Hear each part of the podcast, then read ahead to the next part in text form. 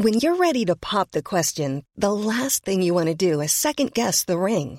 At Bluenile.com, you can design a one of a kind ring with the ease and convenience of shopping online. Choose your diamond and setting. When you find the one, you'll get it delivered right to your door. Go to Bluenile.com and use promo code LISTEN to get $50 off your purchase of $500 or more. That's code LISTEN at Bluenile.com for $50 off your purchase.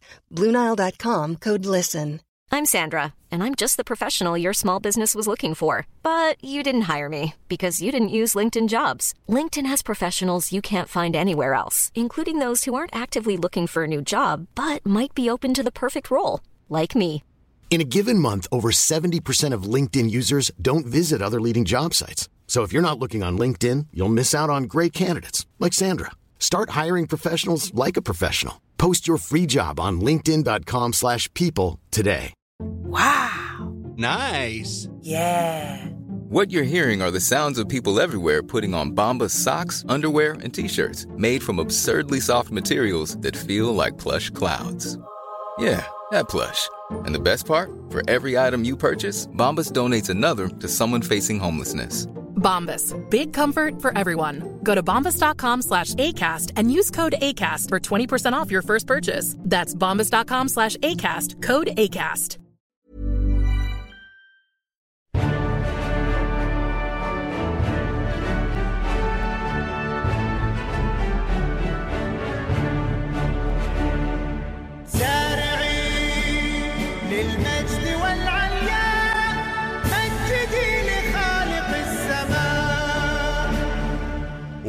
وارفع الخفاق أخضر يحمل النور المسطر رددي الله أكبر يا موطني Vips faller av. Der var vi i gang med en ny runde. Herlig, herlig 95 kvalitetssikra geografi. Infotainment her fra Plan B Studios i Oslo, Norge.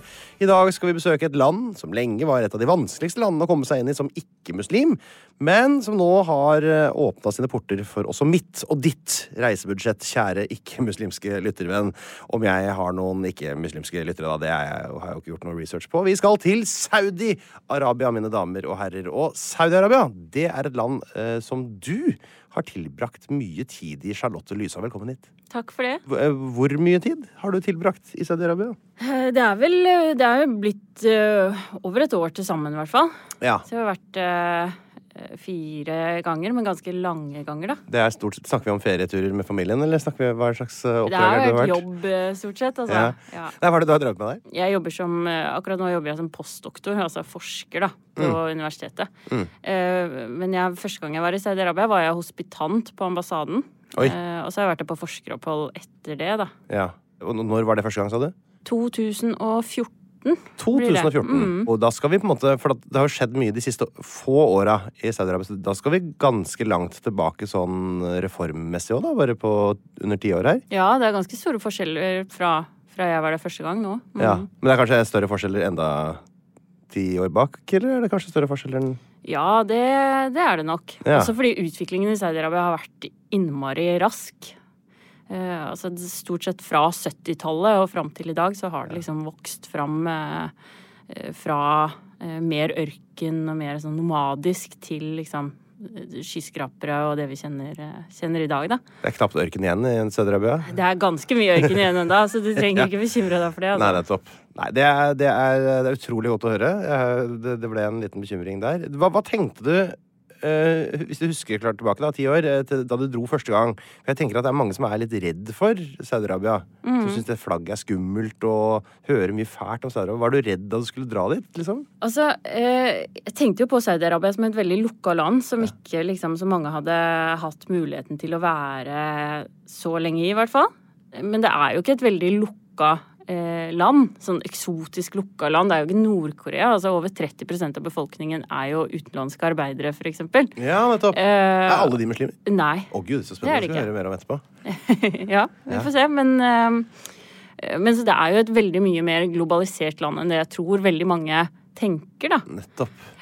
Jeg husker jo faktisk allerede da jeg gikk på barneskolen, så var det en i klassen min som hadde noen foreldre som skulle flytte til Saudi-Arabia. Husker jeg ikke om vedkommende flytta det sjøl. Allerede da var det jo liksom norske selskaper som var etablert der nede. Lurer på om Det var noe Jotun Maling eller et eller annet jeg, som drev Ja. på det der. Det var det sikkert. Jotun eh, er jo veldig stort i Saudi-Arabia. Er Jotun blitt svært i Saudi-Arabia nå? Ja, Jotun det tror jeg de har vært lenge, uten at jeg er noen ekspert på det. Men hele Midtøsten egentlig så er det jo vanlig å se sånne Jotun-plakater og Er Jotun har jeg, Folk løper i gata og veiver med Jotun-logoen og Veiver kanskje ikke med sånn langs motorveien og sånn, da. Så rart for dem, for det er en pingvin i logoen til Jotun. Har du tenkt over det? Det må være veldig rart for de fra Saudi-Arabia. Aldri tenkt over.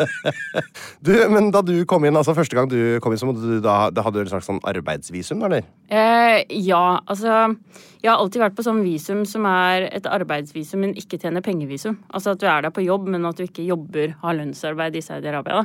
Ja, Jeg tror det var det jeg hadde da jeg var på ambassaden også.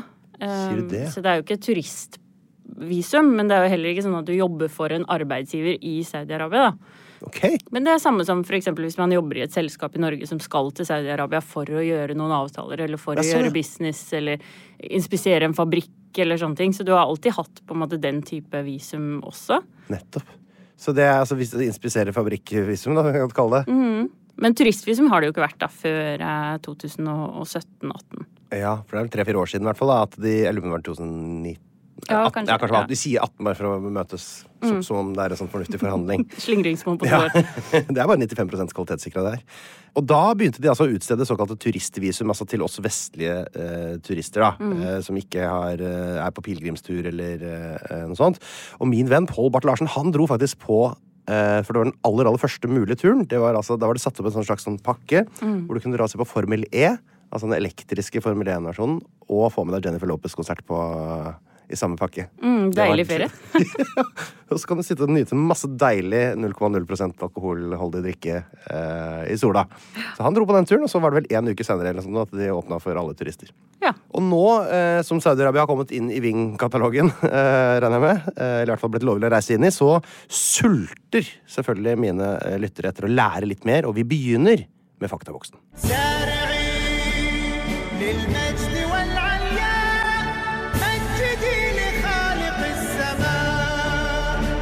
Ja, Hjertelig velkommen til Faktavoksen, eh, Charlotte. Takk for det. Ser ut som du trives godt her. Ja. Ja, opptatt av fakta og liker eh, bokser. Eh, jeg vil gjerne vite hva hovedstaden i Saudi-Arabia heter for noe. ja. Det er Riyadh. Det er Riyadh, ja.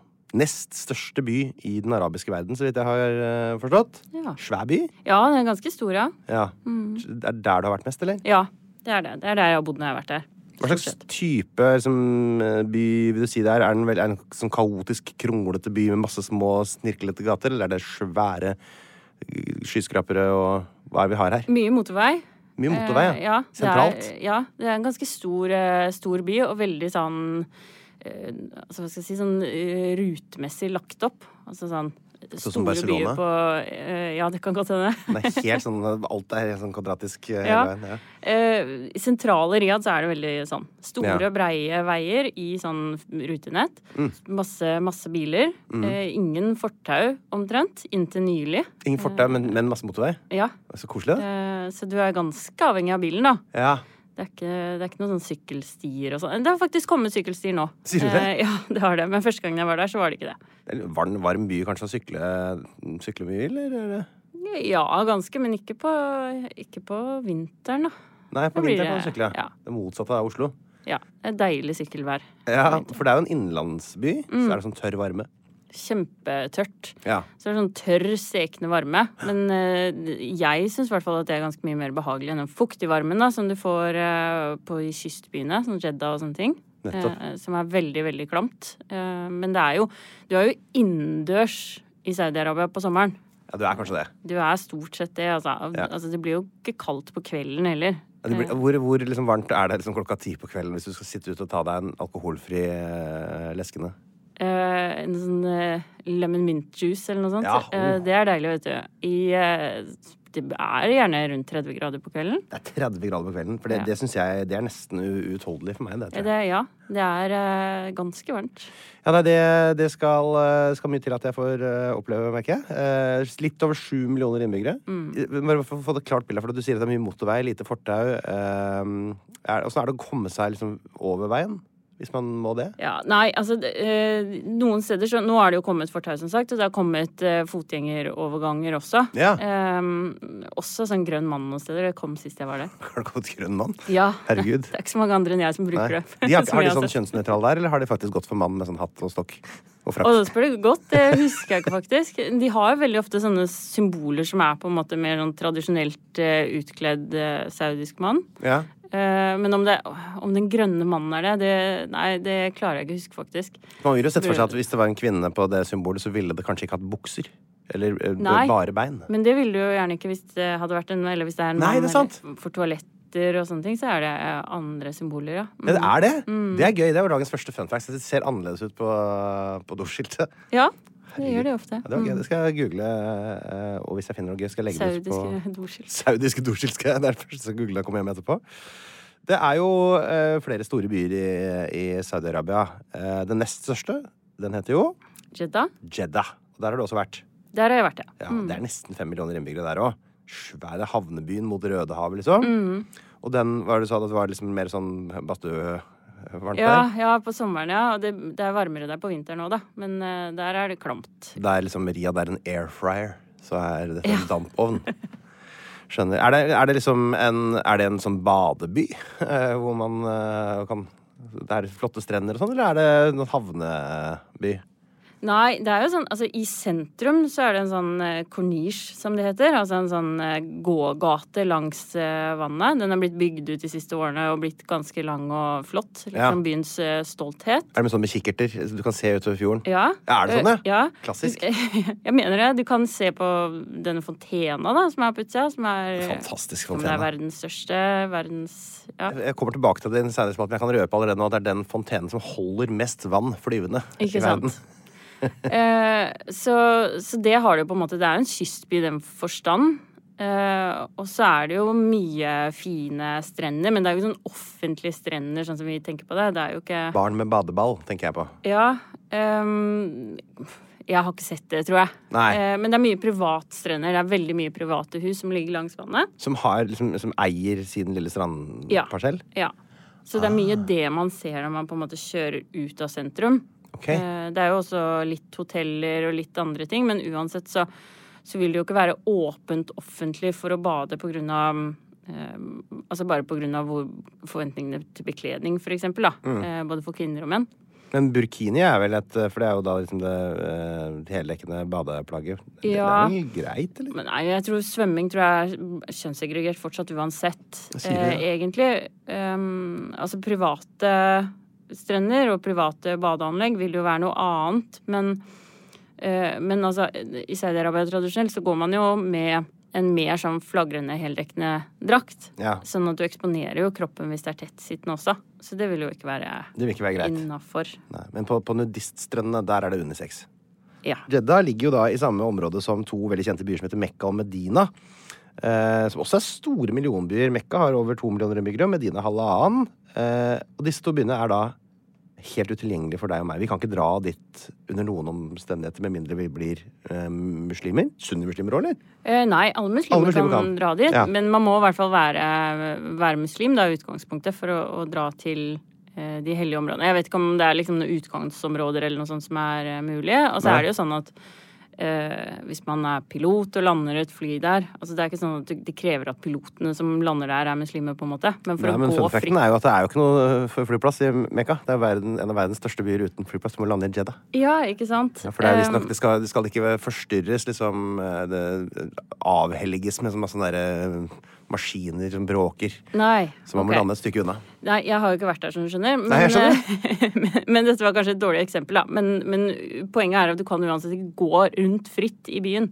Nei. Det er noen sånne tekniske glipper hvor du kan på en måte komme innafor bygrensa, men, men det er i utgangspunktet ikke tillatt å gå rundt for meg der, da. Men er det en mur, liksom? Eller, hvordan er det? Eller er det bare sånne poster langs eh, veien hvor man ikke Hvor man blir stoppa? Hei, Jeg hei, har jo ikke prøvd, altså. Jeg jeg vet ikke. Nei, Ryktet sier at du faktisk du, altså, Noen har jo sånne pass hvor det står religion. Noen Ja. land har det. Og da er det greit. Og så er det noen som har eh, hørt at noen da prøver å komme seg inn i Mekka for å snoke litt. Eh, og da man liksom, blir man ofte testa. Kan du den muslimske trosbekjennelsen? Eh, og så videre. Og så står det jo i visumet i Saudi-Arabia. Å ja, må religion. I hvert fall gjorde det. Ok. Og så er det Medina, som heller ikke er sånn megalangt unna. Stor by. Eh, og dette er jo da de to helligste byene i islam. Det er jo eh, henholdsvis fødebyen og eh, byen profeten er begravd i. Er det ikke sånn det henger sammen? Nettopp. Så derfor er det altså ikke Det er ikke noe for oss andre. Stakkarer. Nei. Men vi har masse annet gull vi kan gjøre. Kan dra til andre steder i Saudi-Arabia også. Ja, Vi kan jo det. Herregud, vi kan kose oss rundt nesten hele Saudi-Arabia, bortsett fra akkurat de to byene. Ja. Eh, Kamis Mushait, for eksempel. 1,25 millioner innbyggere. Ja. Bare gikk jeg gjennom de siste eh, millionbyene her. Og så er det en som heter Damam. Mm. Også 1,25. Det, det er oljebyen, ikke mm. Det er deres uh, Stavanger. Deres Stavanger, ja. Eh, På østkysten der så er det jo tre byer som ligger ved siden av hverandre. Ja. På en måte har vokst litt inni hverandre, som er oljekysten. Akkurat som Stavanger og Sandnes. Og kanskje en til. Randaberg. Helt likt. Ja, herregud. Har du vært der? Jeg har vært der, ja. Var det, er det sånn som uh, i eh, Stavanger? At folk er litt mer uh, eplekjekke enn det er i resten av landet? ja. Akkurat det vet jeg ikke. Alle jeg har møtt, har vært veldig hyggelige begge steder. Uh, Men snakker de sånn veldig mye om at det er de som skaper verdiene i landet? Sånn som de gjør i Du har en litt sånn diskurs, du har nok det, altså.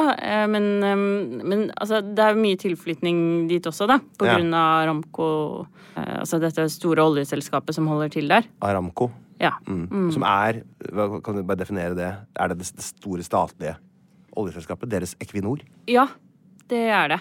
Nå ble det jo eh, lagt på børs for et par år siden. Eh, Mm. I hvert fall en liten del av det. Men fram til det så var det jo statlig. Tror du de kommer til å være ø, ø, omstillingsdyktige når vi skal over til havvind og sånne ting? Altså, de kjører jo på på samme måten, da. Ja, de gjør det? Med, ja, ja, med sånn grønn Liksom grønn teknologi og, og Det er jo litt samme diskursen også, ikke sant? At de skal ha grønn olje og eh, være de siste som pumper opp på Ja, ja, ja. den beste olja og sånne ting. Og så er det mye satsing på andre Nå skal ikke jeg uttale meg om hvor mye Aramco er inne i det, da, men, eh, men de har liksom en litt sånn eh, Litt sånn lik profil i at det er andre ting enn olje som også er blitt viktig i energibransjen.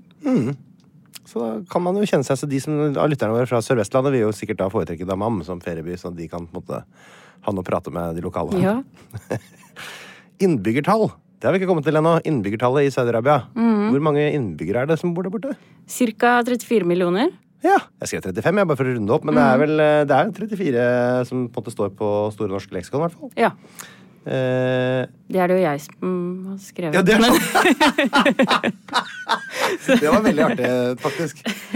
Ja, så det det blir litt sånn sirkulær Ja. Men Ja, eh, ja. Så hvis jeg bruker Store norske leksikon som kilde i manuset her, så er det egentlig veldig bortkasta tid, når jeg tenker meg om. Nei, det, det er ikke jeg som har skrevet alt, altså. Men det, uh, akkurat det er det i hvert fall jeg som har oppdatert, eh, tror jeg. Mm. Nettopp. Eh, hvordan kom man seg inn i det systemet, forresten? Jeg vet ikke om jeg skal avsløre det. Nei, det er hemmelig, det. Det er sånn der, Kjempehemmelig. Da blir du skutt hvis du sier hvordan man får skrive i leksikon. Altså, det er jo åpent for å legge inn endringsforslag og kommentarer på artiklene. Men det er ikke en fri encyklopedi.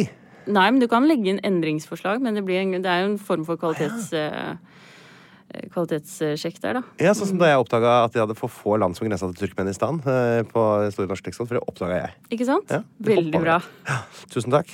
Eh, hva skal vi si om den befolkningen? Det er en ung befolkning. Det er først og fremst det man kanskje, Mm. Hvis du tar en tilfeldig person, så vil den sannsynligvis være under 24 år, faktisk. Ja. Det er ganske spesielt. Mm. Og også over halvparten er under 24 år. Eh, kun 5% over 60 år. Hva, hva gjør det med på en måte dynamikken i landet? Det er et godt spørsmål. Um, ja, nei, men altså, du har jo hatt sånn vedvarende på en måte debatt om arbeidsløshet, da, særlig. Fordi Ja. du har den unge, voksne befolkningen. Uh, også et uh, veldig fokus på utdanning uh, etter hvert. De par siste ti åra, i hvert fall. Mm. Eh, som, så du har jo hatt en sånn eh, utfordring om at du har utdanna befolkningen til arbeidsløshet. eh, Ja. Og at det på en måte har vært en litt sånn eh, eh, underliggende eh, fare, kan du si. Har de litt lite å drive med der, annet enn olje? Eller hva er det Det har jo vært den største delen av økonomien, da. Ja. Men så satser de jo veldig på å på en måte prøve, folk, prøve å få folk til å ja, starte opp ting. Og altså ganske mye sånn uh... Startups? ja, Ja. Kule kafeer og sånne ting rundt i Riyadh som har poppa opp. Ja, er, det kule, er det kule kafeer i Riyadh som har poppe opp? Det er jo sånn, altså Hipsterkaffebarene på en måte ser ut som hipsterkaffebarene Ja, de alle det? andre steder. Ja. Eller Altså- er det sånn med sånn åpen ventilasjon i taket med sånn rør og sånn, og så er det Ja, sånn skrittavler og Ja, og sånn f uh, Hva heter det for noe? Sånn uh, finerplater Ja, ja, ja, ja. og sånn. Ja, Finer og svart, ja. ja, ja, og så får du sånn håndbrygga kaffe. Herregud, det har de, ja. Dægen. Så det er sånn, det hadde de faktisk i Nord-Korea òg. Det er jo Helt eh, merkelig hvor uh, uniform den stilen der er. I hele verden så er det én type hipster. Det ser ut som han kommer fra Canada. Hva slags statsform er det de bedriver? Det er et absolutt monarki. Dæven. Den, det lukter litt sånn Ludvig den 14., det, for meg. Ja. Absolutt monarki. Det vil si at eh, all makt på en måte eh, reelt sett er konsentrert hos én person. Ja, det er jo hos kongefamilien, da. Men Ja. i større og større grad hos én person innad i kongefamilien også. Mm. Det er en risiko å ta for et land, vil jeg si. da. Ja. Gjør de eh, mye motstand mot uh, kongen i, på, langs, i gatene i Saudi-Arabia? Nei, det er det veldig lite av. Ja. Det er det veldig lite rom for også, egentlig. Eh, Men det er jo litt sånn interessant også, for Saudi-Arabia har jo aldri vært kolonisert, eksempel. Eh, Som eh, kanskje det eneste arabiske landet.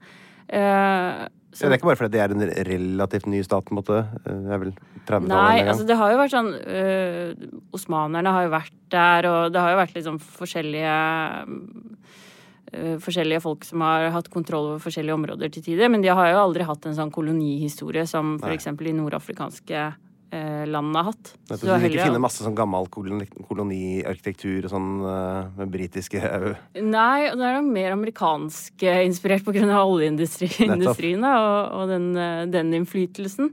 Så kan man jo diskutere hva, om det er en form for uh... Det er nok podkasten til Mimir og Marsdal Ja. eh, eh, du må høre på da for, å, for å bli mer oppdatert på det. Det er verdens 17. minst demokratiske land. Mm. Så det vil si at det er jo uh, Altså, man har jo valg. Hva er det man stemmer på da?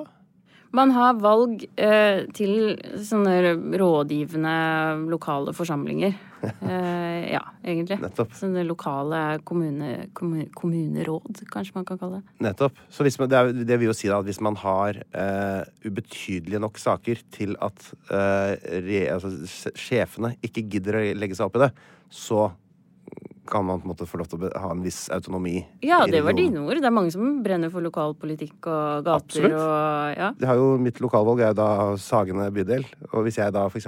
ønsker å få noen nye uh, fartsdumper, eller Ja. humper, men uh, regjeringen sier at det kan ikke, så kan regjeringen fortsatt overkjøre uh, min bydel. Kan ikke det?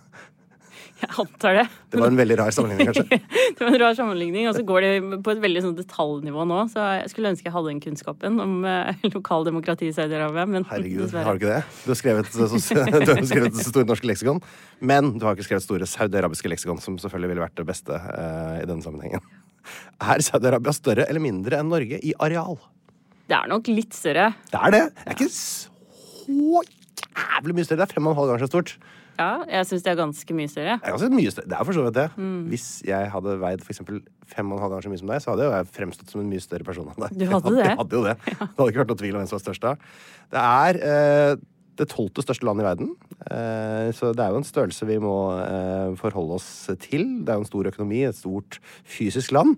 Så det skal bli spennende å se hva som skjer framover der. Det er, eh, her må vi snart ta noen valg på, på globalt nivå. Vi går til valutaen, vi. Hva er eh, valutaen der borte? Det er eh, saudiarabiske rial. Mm. Hva koster det for en eh, rial for tida? Eh, det er eh, Vi sitter på en lavkonjunktur på krona her nå, da. Den er lite verdt. Ja. Styrka seg nå da, etter at Saudi-Arabia kutta oljeproduksjonen. Hei sann. Så- Her er det noen som skriver Store norske leksikonartikler, jeg. Viktig land. Eh, nei, eh, er det ikke to og en halv? Jo, 2,75 skrev jeg. Det, er, det kommer til å fluktuere litt, for å bruke mitt favorittord uh, for, for variasjon.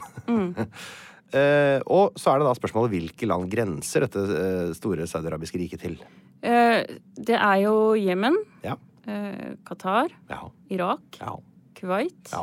Emiratene, Ja. Oman. ja. Og så er det én tannbørsteaktig variant på slutten. Ja, Jordan. Jordan må vi aldri glemme. Selvfølgelig. Selvfølgelig. Det er ikke lang i grensa, altså. Den er liten. Den er snau, men det kunne jo faktisk vært en grense mot Egypt der. Og den er, altså det er, det er neimen ikke langt til Egypt. Nei. Det kommer opp i kroken der. Det går båt. Det går båt. Det Ja, jeg tror det. Mm. Ja, og det går vel eh, Altså, det er jo nærmere ikke langt til Israel heller. Det er vel enda Mm. eh, nærmere. Dit går det ikke båt. Dit går det ikke båt. Det er bare en halvtime kjøretur, faktisk, Ja. eh, til Israel fra Saudi-Arabia, hvis du har lyst til å eh, besøke noen grensebyer. Eh, og så er det jo veldig kort vei til Eritrea, Iran og Sudan. Det er bare rett over pyttene. Eh, Åssen åssen er liksom forholdet til naboene eh, for Saudi-Arabia? da? Er de, er de populære? Er de forhatt? Eh, Oi, det er et stort spørsmål. Jeg tror det er ganske, ganske stor variasjon. Um, ikke veldig populære, vil jeg anta, i Jemen om dagen. Nei. Hva er det som skjer der? Jemen er jo herja. Jemen er det borgerkrig, og der har jo Saudi-Arabia intervenert. eh, Eller leder en koalisjon som har intervenert på myndighetenes eh, side. Eh, og beskyldt for eh, en del krigsforbrytelser og sånne ting. Så det er en ganske stygg krig. Mm. ganske voldsom krig som har pågått eh, lenge nå. Så det er jo forferdelig, selvfølgelig.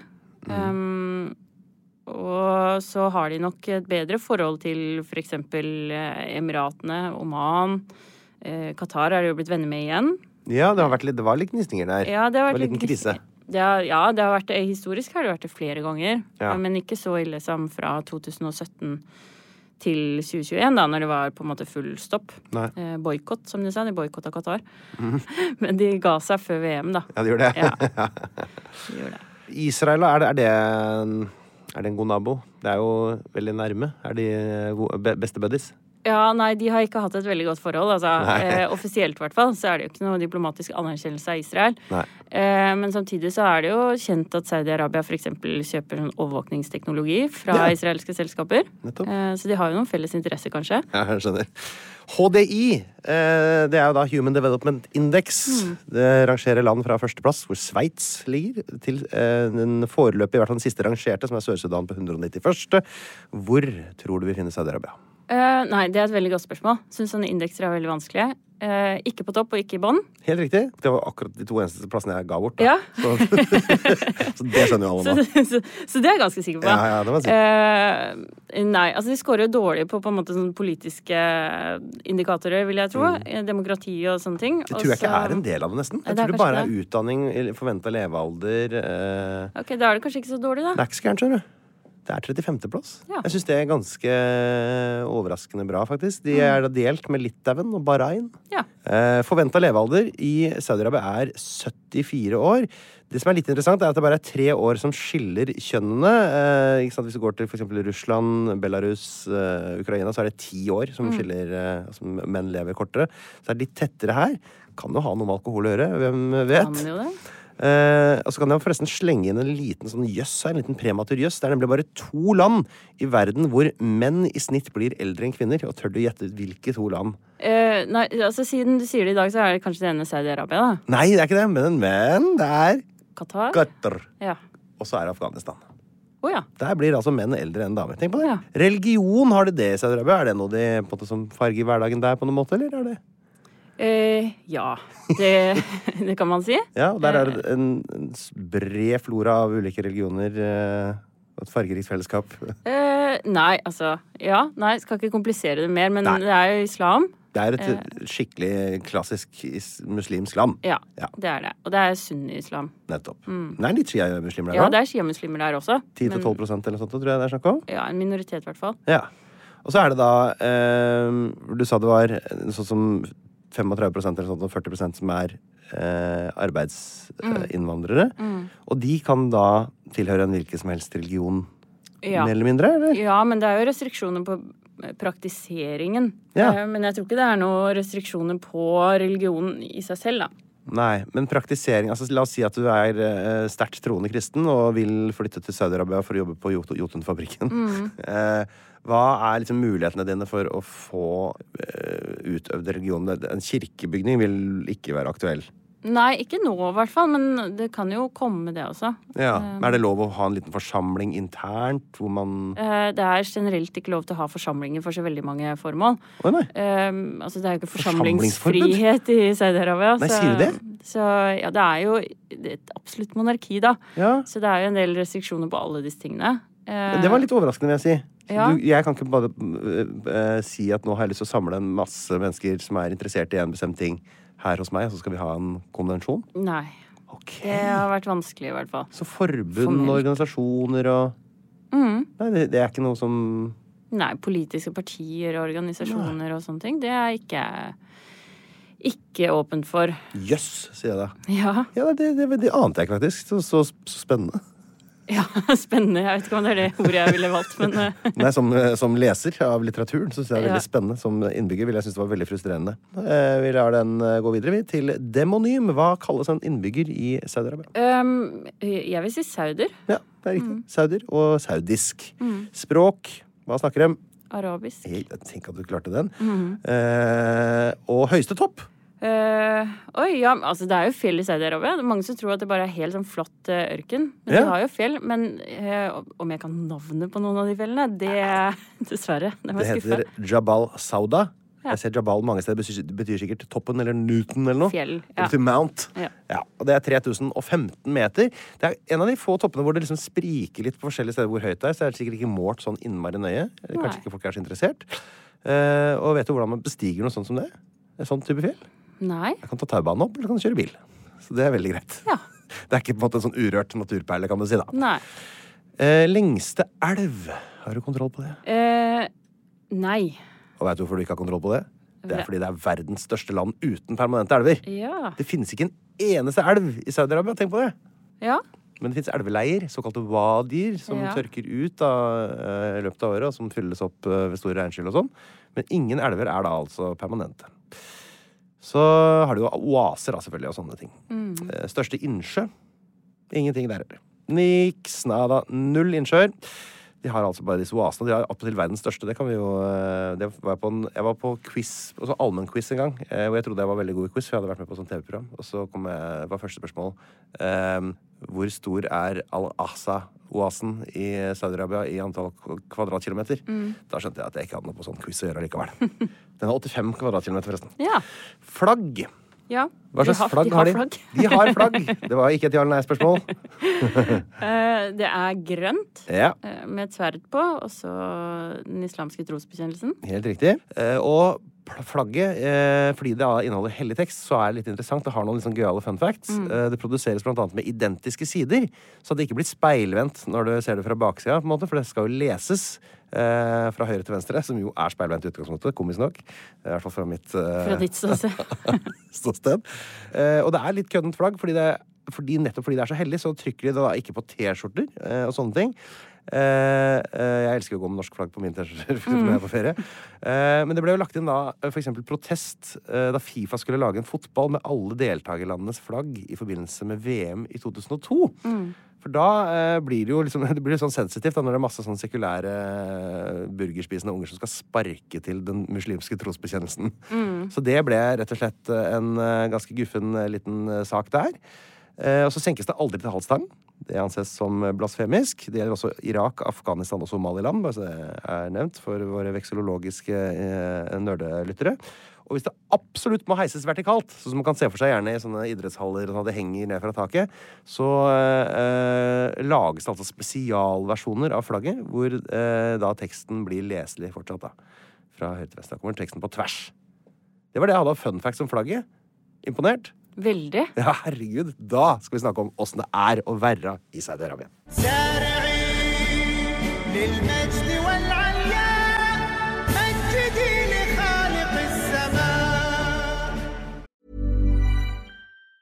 Hey, it's Ryan Reynolds, and I'm here with Keith, co star of my upcoming film, If, only in theaters, May 17th. Do you want to tell people the big news? All right, I'll do. it. Sign up now and you'll get unlimited for $15 a month and six months of Paramount Plus Essential Plan on us. Mintmobile.com slash switch. Upfront payment of $45 equivalent to $15 per month. Unlimited over 40 gigabytes per month. Face lower speeds. Videos at 480p. Active Mint customers by 531.24 get six months of Paramount Plus Essential Plan. Auto renews after six months. Offer ends May 31st, 2024. Separate Paramount Plus registration required. Terms and conditions apply if rated PG. Hiring for your small business? If you're not looking for professionals on LinkedIn, you're looking in the wrong place. That's like looking for your car keys in a fish tank. LinkedIn helps you hire professionals you can't find anywhere else, even those who aren't actively searching for a new job but might be open to the perfect role. In a given month, over 70% of LinkedIn users don't even visit other leading job sites. So start looking in the right place. With LinkedIn, you can hire professionals like a professional. Post your free job on linkedin.com slash people today. Wow. Nice. Yeah. What you're hearing are the sounds of people everywhere putting on Bombas socks, underwear, and t-shirts made from absurdly soft materials that feel like plush clouds. Yeah, that plush. And the best part? For every item you purchase, Bombas donates another to someone facing homelessness. Bombas. Big comfort for everyone. Go to bombas.com slash ACAST and use code ACAST for 20% off your first purchase. That's bombas.com slash ACAST. Code ACAST.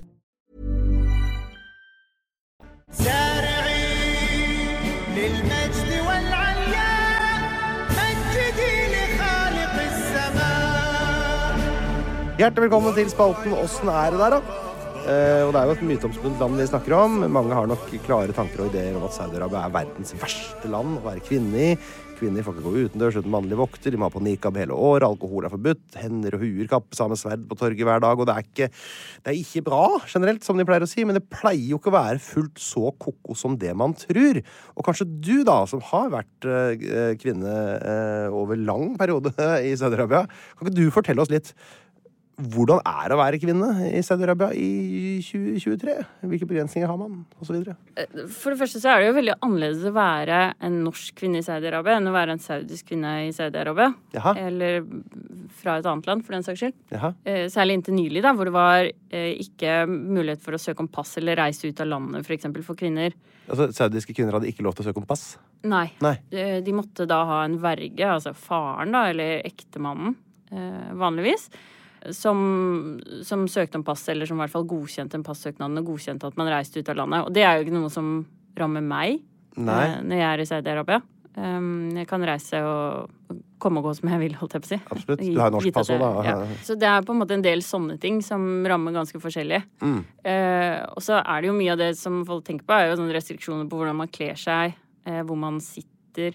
Ja, hva er reglene på, på bekledning i, i det offentlige? Altså, det har ikke vært noen nedskrevne regler om at du må dekke deg til på den ene eller den andre måten, men det har jo vært praktisert sånn. Ja. Eh, og da har det jo vært eh, svart eh, heldekkende drakt, da, det som heter abaya, som er em, eh, Altså, vi har ikke noe godt ord for det på norsk, men en frakk, da, på en måte, med ganske tynt stoff. ja. Men som du har på utsida av klærne. Som er helt eh, ned til anklene? Ja, helt ned til anklene. Ja. Så skoa dine kan synes. Ja. Så du kan ha kule sko. Du kan ha fine sko og fin Ja. veske også, hvis du vil. Ja. Eh, og det har på en måte vært det viktigste. Eh, og så er det mange som bruker nikab i Saudi-Arabia. Det er det fortsatt. Det er, da, får man da, også, da er det bare to sånne små streker til øynene. Ja, da er det øynene som syns. Ja. Og så er det eh, Har det jo vært da på en måte normen eh, altså du, får, du har på en måte fått, kunnet få konsekvenser hvis du ikke har fulgt den. Uh, Ja. Og det har vært å, å dekke håret. Men igjen så er det en sånn forskjell. da, Det forventes ikke av meg på samme måte som det forventes av en saudisk uh, kvinne. Nettopp. Men det, det har også løsna ganske mye, da. Så fra jeg var der første gang i 2014 til nå, sist jeg var der, var i fjor, så har det blitt veldig mye vanligere å se også saudiske kvinner gå både med abaya i forskjellige farger, eh, men også ikke dekke håret, da. Um, Men jeg har aldri pleid å dekke håret, for eksempel. Nei. Nettopp. Er, er det noe du tenker at dette her er noe som kommer til å fortsette å løsne opp? Er det liksom Er det noe som tyder på at det stopper her, eller er vi liksom på Er Saudi-Arabia i ferd med å eh, bli mer vestlig, hvis jeg kan kalle det det, da? Eller mer, mer sekulært? eh? Sånn det har vært, har jo vært at det har vært en kontroll på disse tingene i det offentlige rom. Altså det har vært regulert, byråkratisk. Ja. At da må du stenge og sånn og sånn. Uh, samme med sant, hvor kvinner skal sitte og hvor menn skal sitte. Hva er familieseksjon på en restaurant? Hva er uh, Det som endrer seg, er på en måte at dette gjøres mer frivillig. Ja. Det blir ikke regulert, og det blir ikke en del av byråkratiet på samme måte. Og du har ikke dette religiøse politiet, hvis vi kaller det det, som, som går rundt og håndhever det på samme måte som det har vært uh, før.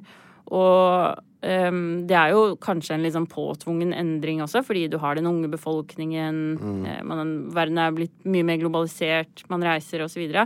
Eh, men det er jo også de økonomiske aspektene, og den debatten som har gått f.eks. om å stenge fem ganger eh, for bønn i løpet av dagen, eh, er jo veldig sånn økonomisk orientert, og det handler om at det her de gir så lite mening, da, fra Ja. sånn næringslivsmessig Og så man kan argumentere for at økonomi er vel så viktig som religion, på en måte, i, eh, i de sakene der i Saudi-Arabia? Altså, alt er jo politikk, da. Ja. Til slutt så, så er det på en måte hvilke vurderinger som gjøres, da. Eh, og så har det vel vært et sånt skifte som handler om å mer å legge til rette for ting. Eh, og så vil det være en diskusjon hvor mye legger du til rette for det hvis det blir valgfritt. For det er jo en del kvinner som f.eks. vil kanskje sitte adskilt. ikke sant? Hvor mye valgfrihet har du hvis eh, restauranten ikke har den muligheten? på en måte? Så, så det er liksom sånn debatter som går internt, kan du si. Det jeg har hørt mye mumling om, eh, har vært at, man har liksom, at kvinner de i Saudi-Arabia de må ha med seg en mann overalt hvor de går. En verge. Det er ikke sant? Nei. Nei. Jeg har også fått det spørsmålet. Altså, Ja. Jeg reiser til Saudi-Arabia, er i Saudi-Arabia lengre tid, og så er det folk som lurer på om jeg egentlig kan gå ut av huset mitt. Eh, Ja, Og det har jeg i hvert fall gjort. Du har gjort det. Det er jo det vergesystemet som blir misforstått som at man må på en måte bli fulgt rundt, Mm. men at det handler om det mer sånn juridiske, at du ikke kan søke om pass, eksempel, og at, eh, at en mann kan eh, nekte deg forskjellige ting, da, eller at du trenger tillatelse fra denne vergen. Mm. Forskjellige ting. Men det er jo også i endring, da. Stemmeretten, for eksempel, den kom jo da i 2015 for kvinner. Mm. Nå er det jo litt begrensa hvor viktig eh, det er å stemme i Saudi-Arabia. ganske begrensa. Ja, men det, det oppleves sikkert som et fremskritt, regner jeg med. I hvert fall et slags likestillende sånn kjønnsmessig eh, prosjekt. Og så er det det med bilkjøring. Eh, og det er bare også noen helt få år hvor kvinner har fått kjøre bil. Det er jo noe av det vi kanskje har hørt mest om her i Vesten. Som eh, Vi driver og slutter å kjøre bil her nå, da. Men nå er damene på full fart ut i trafikken. Hvor viktig har det vært i frigjøringen? Altså, det har vært en veldig betent sak. Den første demonstrasjonen for uh, at kvinner skulle få kjøre bil, eh, fant sted etter, uh, etter Gulfkrigen, eller i forbindelse med det. Altså på den til 90-tall? Så det har tatt lang tid. Og i 2017 så ble det jo erklært at nå skulle kvinner få lov til å kjøre bil. Eh, og så er det ganske mange som har tatt førerkortet. Nå husker jeg ikke noe tall på det, men det er sånn 200 000 eller eh, noe sånt nå. Um, og det har jo veldig mye å si for mobiliteten, altså særlig i en, bil, en så bilavhengig by som det Riyadh er. da. Eh, for eksempel for muligheten til å jobbe. Eh, at Ja. man ikke er avhengig av sjåfør. uh, for da det krever jo en viss eh, økonomi, enten fra seg selv eller fra arbeidsgiver, da, at de velger å tilrettelegge. Eller familiemedlemmer som skal kjøre deg. Eh, men så er det noen problemer. Eksempel har det fått mye kritikk at det er såpass dyrt å ta førerkort for kvinner. For du har jo da separate kjøreskoler for kvinner. Og det har jo vært? Ja, det har vært veldig dyrt. Uh, og det, men altså, tilbud og etterspørsel, da. Ja. Så Hvordan har det liksom blitt mottatt uh, i, eh, blant menn? Så er det, jeg bare ser for meg at masse sånn karslige typer sier at uff a meg, nå er det de damene de kan ikke reglene og kjører sakte og bytter felt uten å blinke og sånn. Ja, vi, vet det om jeg har snakka med så mange sånne menn, i hvert fall. så- Men jeg syns at det har blitt liksom litt mer sånn rolige forhold i trafikken i Saudi-Arabia. det som pleier å skje. Ja, jeg har jo nevnt det for flere, og det er flere Ja. som er liksom enig i det. da, At kanskje det er blitt litt sånn Man er litt mer forsiktig, og nå er det veldig mange som har lært seg å kjøre bil plutselig som Altså som er en del av trafikkbildet også. Mm. Um, Det blir jo litt mindre guttastemning når det kommer noen damer inn og ja, ikke sant? passer på. Mindre guttastemning i den saudiske trafikken. Um, kultur. Jeg, jeg regner ikke med at de har gått helt liksom, sånn festivalsommer uh, der ennå. Uh, men musikk det må jo ha vært ulovlig på et eller annet tidspunkt ganske lenge, eller? Er det, hvordan ligger det an nå? Formelt så var det ikke åpent for utøvende kunst i offentlig rom, i hvert fall. Eller det var Nei. ikke konserter og sånne ting som blir arrangert i Saudi-Arabia. Og så er det selvfølgelig noe annet hva som skjer i private hjem og sånn. Um, Ja, Man får synge for barna sine når de skal sove og sånn. liksom. Et eller annet sted må jo grensa gå. ja, jeg tror ikke det er noen som kommer inn og arresterer deg for det, altså. Nei. Og det har jo vært radio. altså Du setter deg i bilen, så slår du på radioen, så får du radiokanaler med musikk og sånn. I hvert fall så lenge jeg har vært der. Nettopp, ja. Så det har vært musikk eh, bestandig, da. Kanskje ikke bestandig, men Jo da, og du har jo selvfølgelig tradisjoner og bryllupsmusikk. Altså, I bryllup så er det jo en sånn Det er jo en helt egen industri med bryllupssanger og sånne ting. ja. Eh, Så du har en, du har en liksom, lang musikkhistorie i Saudi-Arabia også. Er det sånn at de spiller bare saudisk musikk fra 80-tallet?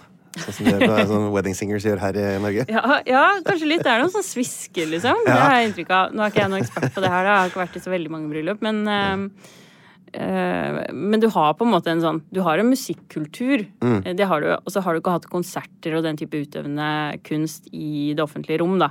Men det har jo åpna Det har jo vært festival også. Middle Det har vært festival! Wow. Så vil det si at det, det finnes det saudiske liksom, stjerner? Skjønner, altså Ja. utøvende kunstnere på et eller annet felt? Ja, Ja, det gjør det. det gjør det. Er det nytt, eller har det alltid vært sånn? Og ja. Um, nei, um, det er jo disse bryllupssangerne som liksom har vært de store, egentlig. Det tenker, endelig et land hvor liksom de får skinne. Ja. Ikke på en måte er liksom nederst på rangstigen. Ja. uh, kino, det, Det fins nå. det er nytt. Det er ganske nytt, ja. Mm, Så, men har de da liksom hatt tilgang på amerikanske eller Hollywood-filmer, Bollywood-filmer? Eh, ja, altså De dreiv jo liksom med streaming og TV og sånne ting også. De drev med det. Ja. Eh, men kinoer er ganske nytt. Og så reiser man til Bahrain og gikk Ja. på kino. Det, og fordi kan det er så langt da, hvis du bor eh, på vestkysten. på en måte. Ja, men altså fra Riyadh så er det fire timer å kjøre. Og det er ikke mer? Nei. Nei, Det er rett vei, eller? Ja. Ja. Gjennom ørkenen. Du har vært i Bahrain, du? Ja da. Og det er liksom en slags, Var det en slags partyvariant av eh, Saudi-Arabia, eller? Ja, i, kanskje i den regionale konteksten der, så kan du kalle det det. Eh, Men ikke det- hvis du sammenligner med Monaco og Nei, det blir litt annerledes. Nei, Ja. ja. Men det er ting som er lov der, som ikke er lov i Saudi-Arabia, da. Og da benytter på en måte saudiske turister seg litt av det og slapper av litt og liksom er litt sånn halvgærne, sånn som nordmenn er i Vegas, eller?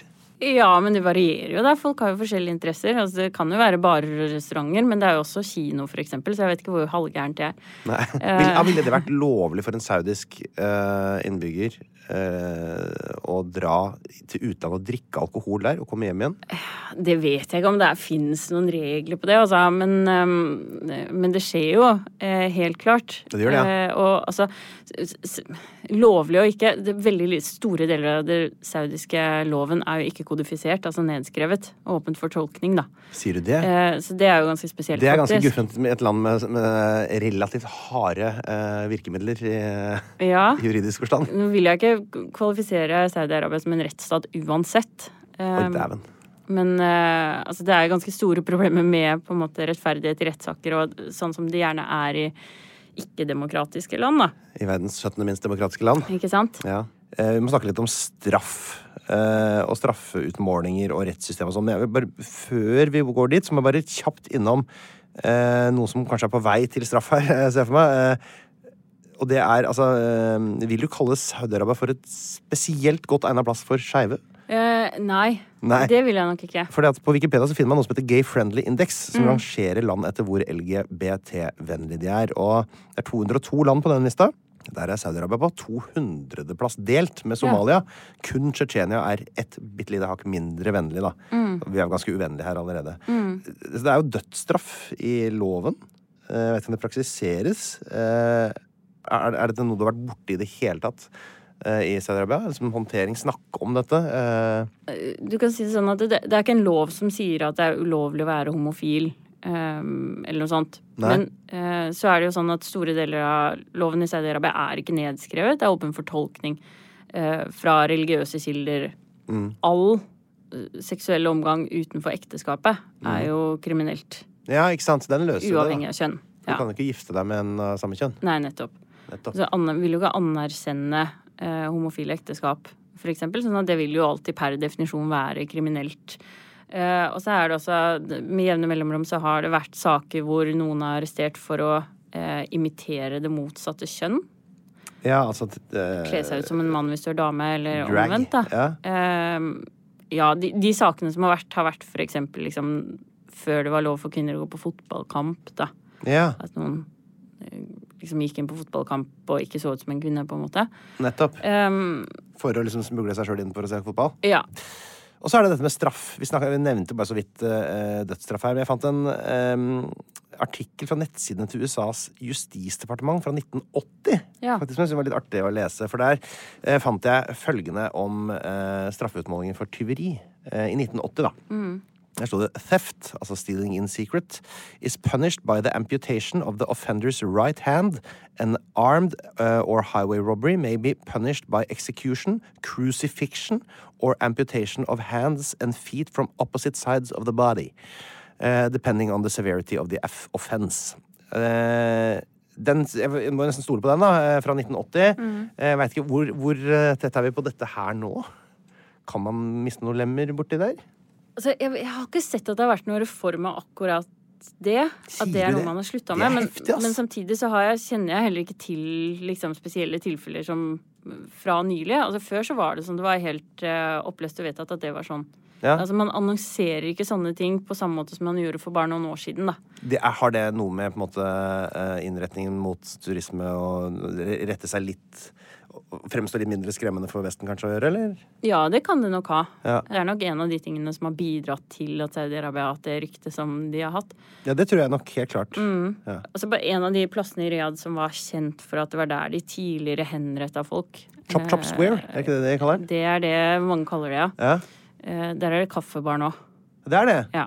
For der var det en, eh, det var en sluk og Ja, sånn. eh, rister for at det liksom skulle drenere blod. Mm. Det er ganske sånn Det har de ikke på Youngstorget. Nei. Eh, så er det også sånn at I mars 2022 så gjennomførte altså Saudi-Arabia en massehenrettelse av 81 mennesker. Eh, det er jo noe vi syns er litt eh, eh, og utenfor fair her i Norge. Eh, og så er det vel ikke helt uten grunn at hvis man besøker Wikipedia-siden Capital Punishment in Saudi Arabia, så er det altså journalisten Jamal Khashoggi som det er bilde av der. Eh, og han var jo ikke dømt eh, i noe rettssak. Var Nei. ikke engang i landet. Men man regner det som en henrettelse. Eh, og han, vi kan, bare for de som ikke husker det helt, så var han sånn saudiarabisk, eller saudisk journalist. Som da ja, Har vært noe regimekritikk der, eller?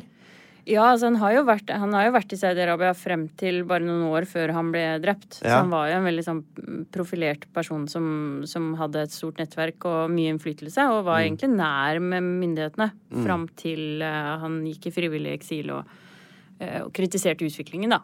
Ja, da På et eller annet tidspunkt så spaserte han inn da i det saudiske konsulatet i Istanbul, og kom aldri ut igjen derfra. Og det regner man altså som en henrettelse derfra. Ja, En utenomrettslig en som sådan, da. Ja. Ekstra juridisk, tror jeg det heter. eh, sånt. Det, ja, det er jo også noe vi Vi her i 198 land, vi er kritiske til det. Ja.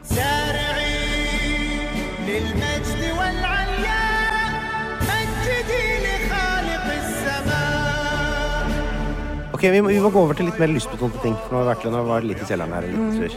Eh, hva er det som er skikkelig digg i Saudi-Arabia? Når du setter deg på flyet ned, Ja. ser det grønne og hvite flagget vaie i det fjerne. tenker Ja. Å, nå skal det bli digg med prikk, prikk, prikk. ja. De er veldig gode på juice. For Ja, jus. fersk juice, altså. Ja vel. Det er jo selvfølgelig ikke noe alkohol. Nei, Og da har man jo veldig mye annet god drikke, da. Nettopp. Så kan si, kanskje det er en teori at hvis man tillater alkohol, så på en måte undertrykker du utviklingen av andre gode drikker. Ja, kanskje man gjør det, for man prøver hele tida å kvele den alkoholsmaken. Det er jo det man driver med. Alt skal liksom være um, motgift. Er her kan man veldig virkelig dyrke det freshe. Det er varmt, og sola skinner, og du kan få deg en sånn skikkelig iskald ferskpressa juice Ja. eh, av forskjellige varianter. Eh, Det er godt, altså. Er det noen andre ting som er sånn nice? Det er juice. Uh... Vet du hva, jeg syns at ørken er veldig fint. ja. Eh, Jeg syns at ørken kan være veldig vakkert. Det er mye forskjellig ørken i Saudi-Arabia. Ja. Og altså, sånn, sånn på ettermiddagen, kveldinga med lav sol og sånn, så kan du få ha ganske mye fint landskap, altså. Det vil jeg absolutt påstå. Um, og så er det Det er jo dyrt, men det er jo Stort sett dyrt, men, men det er jo veldig eh, mye restauranter. eh, og den type på en måte liv, da, uten alkohol. Eh, så man kan jo ha liksom et sosialt liv selv om det ikke er alkohol. Ja. Eh, og så er det jo vakre områder. Altså Rødehavskysten, for eksempel. Og selv om man ikke har åpne strender på den måten, så er det jo de som driver med sånn snorkling og dykking og sånn. Så er jo revet eksempel mye mer urørt på Saudi-Arabia-siden enn på Egypt-siden, hvor du har hatt masse turisme i mange, mange år. Selvfølgelig. Det er noen utfordringer med klimaendringer og sånn bleking av korallrev og sånne ting. Ja. Eh, men, eh, men du har eh, ganske mange muligheter der da, til mer sånn urørt natur. Ja. fordi du ikke har hatt den turismen. Så er det selvfølgelig sånn Hvis du er muslim, så er det noen veldig positive ting ved Saudi-Arabia. da. Eh, I da særdeleshet i byene Mekka og Medina. Eh, vi trenger kanskje ikke gå så dypt inn i det, siden du da ikke har vært der. Mm. I hvert fall så vidt du uh, tør innrømme. Men noen fakta kan vi ta inn, for dette er jo svære byer hvor det bor mennesker. Eh, og så Mekka først og fremst er jo det kanskje folk flest har hørt om. Det er da pilegrimsmål eh, for eh, Det er vel sånn at alle egentlig skal gjøre det hvis de har økonomi og helse til det. En eller annen gang i løpet av livet komme seg til eh, Mekka. Og da er det en del ting man skal gjøre. Man skal da man skal gå syv ganger fram og tilbake mellom to fjell der. Eh, sånn som eh, Hagar gjorde, altså kona til Abraham. Eh, hun skulle lete etter vann til sitt nyfødte barn, eller sånt, og så gikk hun fram og tilbake mellom noen fjell to ganger, og så pipla det opp eh, noe vann rett ved babyen allikevel. Eh, for det, eh, det skjedde et mirakel. Eh, men den ruta skal man gå. Og her, er det, her kommer det liksom millioner av mennesker inn. samtidig. Åssen er det det er lagt opp? Så må det være en logistikkoperasjon. Det er jo, må jo være som, må jo se ut som Roskilde, på en måte.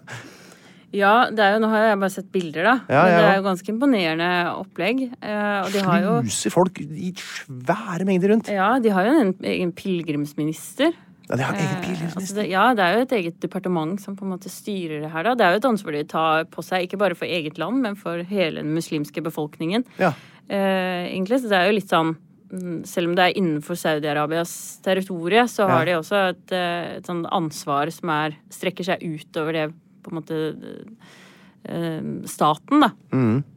Eh, Så det er et voldsomt opplegg, og selvfølgelig veldig mye sånn på sikkerhet. Det har vært noen ulykker tidligere. Mm. Men også sånn teknologisk. De har jo sånn Altså, jeg vet ikke om det er apper eller hva som helst, men, men det kommer stadig nyheter om på en måte sånn teknologiske innovasjoner da, for å la, gjøre det her enklere og, og tryggere å gjennomføre. Og så er det Kaba, da. Kabasteinen, Ja. eller eh, huset, eller klumpen nedi der. Det er altså den som alle sikkert kjenner til, denne svarte det er jo et lite firkanta hus som er kledd i en svart silkeduk.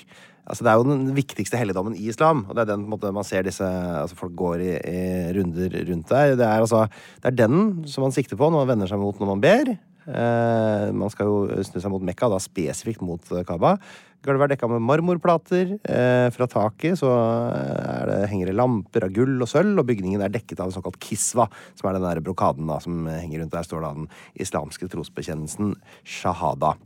Og i det ene hjørnet der så er det altså den, denne såkalte svarte steinen, som da er eh, av islamsk, eller ifølge islamsk tradisjon er da steinen av himmelsk opprinnelse. Den ble da brakt til jorden av engelen Gabriel, og ble tidligere eid av Adam og greier. eh, Og eh, som da Abraham fant da igjen da han gjenreiste Kaba etter syndfloden.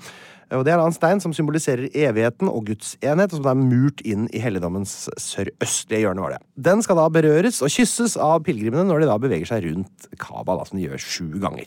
Så Det er liksom eh, greia der. Så det er altså eh, Mekka. Vi er ikke eksperter på det, så vi går bare videre til fotball. Fordi du, uh, sist gang du var her i studio, så snakka vi om Qatar eh, i forbindelse med VM. Og nå er jo da Saudi-Arabia kandidat til å avholde fotball-VM i 2030. Jeg vet ikke om de har bekrefta offisielt uh, at de kommer til å sende inn en bud. Nei, de har kanskje De ikke har ikke avkrefta det heller. Det ville ikke jeg gjort hvis jeg var dem. Det, jeg, jeg, I hvert fall det jeg hører av murringen, så ligger det jo litt i kortet at de kanskje skal søke dem. Så har det kanskje vært litt Jeg vet ikke hva de har tenkt etter Qatar sitt VM, om de syns at det ser fristende ut, eller om det blir mye trøbbel, eller Nei, det tror jeg absolutt de syns ser fristende ut. Jeg tror absolutt de synes det ser fristende ut, ja. Mm. Hva tenker, du, hva tenker du er mulighetene for at de får et sånt anbud hvis de Det er ikke usannsynlig. Alt er mulig i Fifa om dagen, er det ikke det? Jeg tror alt er mulig i Fifa om dagen. Og til forsvar for eh, Saudi-Arabia her, så er det vel et land med ganske sterk fotballkultur, eller? Jo, jo, absolutt. Ja, du, har du vært på kamp og sånn, eller? Jeg har vært på kamp, ja. Har du det? Ja, ja. Ja, fortell. Eh, nei, altså det var jo ikke lov for kvinner å gå på fotballkamp eh, før 2018. 2018, altså. Ja, Ja. og det ble argumentert med at man hadde ikke på en måte fasilitetene til å ta imot kvinner. Nei, det er vanskelig å få, få Eh, ja. Så nå har de da bygd inn sånn at det er deler av stadion som er um, Familie. åpen for familie. Ja. Ja. Så man sitter ikke med de mest hardbarka supporterne. Nei. Men uh, det har vært ganske tett med folk på de kampene jeg har vært Ja. på familieseksjonen. Um, og god stemning, altså. Mye Hvil- barn og ja. Hvilke kamper, eller hvilke lag er det du har vært på? Jeg har vært på Al-Hilal, da. Al-Hilal? Som eh, er uh, det største laget, vil mange si. Ja. Uh, I hvert fall i, i Riyadh. Og ehm, Men jeg var første gangen på kamp før det offisielt var lov for kvinner også. Det fins jo ikke sånne regler uten unntak. Um, så jeg var første gangen i 2014, og så har jeg vært et par ganger etter det, etter at de åpna formelt for kvinner også. Og da, men i 2014 særlig, det var finale i Asiatisk Champions League. Ja. men Du, du sier vanligvis bare Champions League når du snakker om det, gjør du ikke? Vet du hva, jeg lurer på om jeg faktisk Ja, nei. Eh, Europeisk Champions League er også veldig stort i Saudi-Arabia. Ja, det er det, ja. ja. Eh, men jeg har vært med på å prøve å finne et sted som viser Europeisk Champions League samtidig som Hilal spiller. Ja.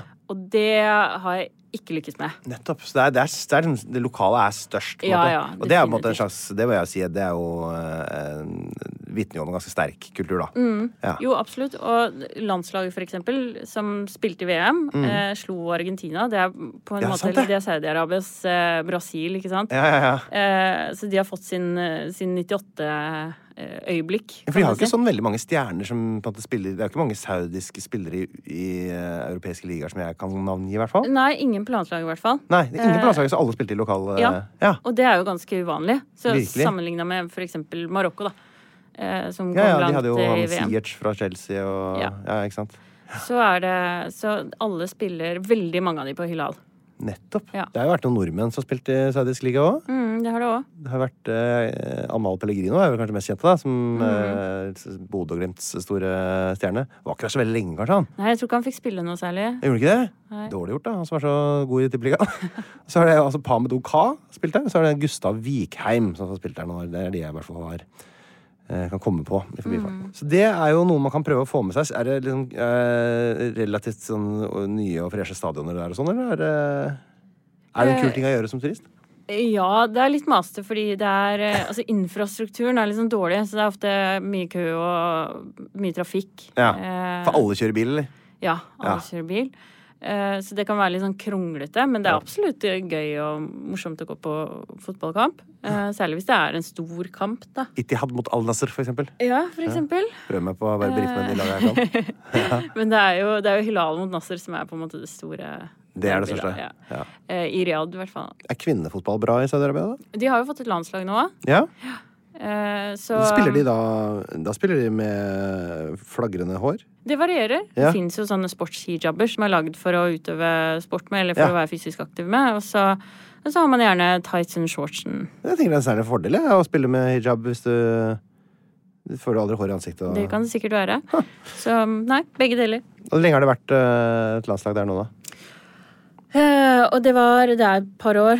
Er bare par år. Ja. Alt er liksom bare de siste par åra? Ja, Gjør de det bra i Fifa-rankingen sånn, eller? Eh, de er akkurat ranka, men ikke så veldig bra. Men eh, de er jo en ny nasjon, må man si. Så det er mange som ikke er ranka i det hele tatt. Så Herregud, det er ikke det verste, det. nei, ikke Kunne sant? vært. Men det har, det er viktig å si, det har jo vært kvinnefotball i Saudi-Arabia lenge. Har det det? Bare Det er overraskende. Dette er jo breaking news for meg. Jo, men det har bare ikke vært på en måte offisielt støtta eller offisielt tillatt, da. Med en litt sånn gråsoneaktivitet. Så eh, ligaen i Riyadh eh, har vært eh, aktiv siden 2007-2008. Ok. Ja, men det har ikke vært en del av forbundet. Det har ikke vært noen offisielle på en måte organisasjoner, men sånn grasrotorganisert, da. Artig. Mm. Charlotte, du eh, Vi spiller jo inn dette her i påsken, eh, så vi har jo forferdelig god tid, eh, du og jeg. Vi lager to episoder. Jeg syns jo det var en måte på. Ja, hvorfor Du ikke? Blir sittende her litt til, så spiser vi litt påskeegg, og så eh, strekker vi litt på påskebeina våre, og så kommer vi tilbake og snakker litt mer etterpå. Kjempefint, det. Herlig. Da ses vi neste uke, da, Charlotte. Ha det. Ha det. Plan B. Planning for your next trip? Elevate your travel style with Quince. Quince has all the jet setting essentials you'll want for your next getaway, like European linen, premium luggage options, buttery soft Italian leather bags, and so much more. And is all priced at 50 to 80% less than similar brands. Plus, Quince only works with factories that use safe and ethical manufacturing practices. Pack your bags with high-quality essentials you'll be wearing for vacations to come with Quince. Go to quince.com slash pack for free shipping and 365-day returns. Pst, det er meg, Einar Tørnquist her, han fra 198 land. Nå har jeg lagd en 198 land-app, hvor du kan eh, surre rundt på forskjellige kart og lære masse om forskjellige land, og du kan ordne og fikse, men det er også en hel haug med quizer, hvor du kan teste deg sjøl mot resten av Norges befolkning. Du kommer inn på topplister, sånn kan du se hvordan du gjør det i geografiquiz, pluss at det kommer en daglig utfordring. Dagens utfordring kan du teste deg sjøl. Vet du hva, det er en utrolig bra geografi-app. Relativt uh, lol eh, pakke. Prøv en sånn sju dagers gratis greie. Hvis du liker den, så kan du betale litt under ei krone om dagen, så har du den for life.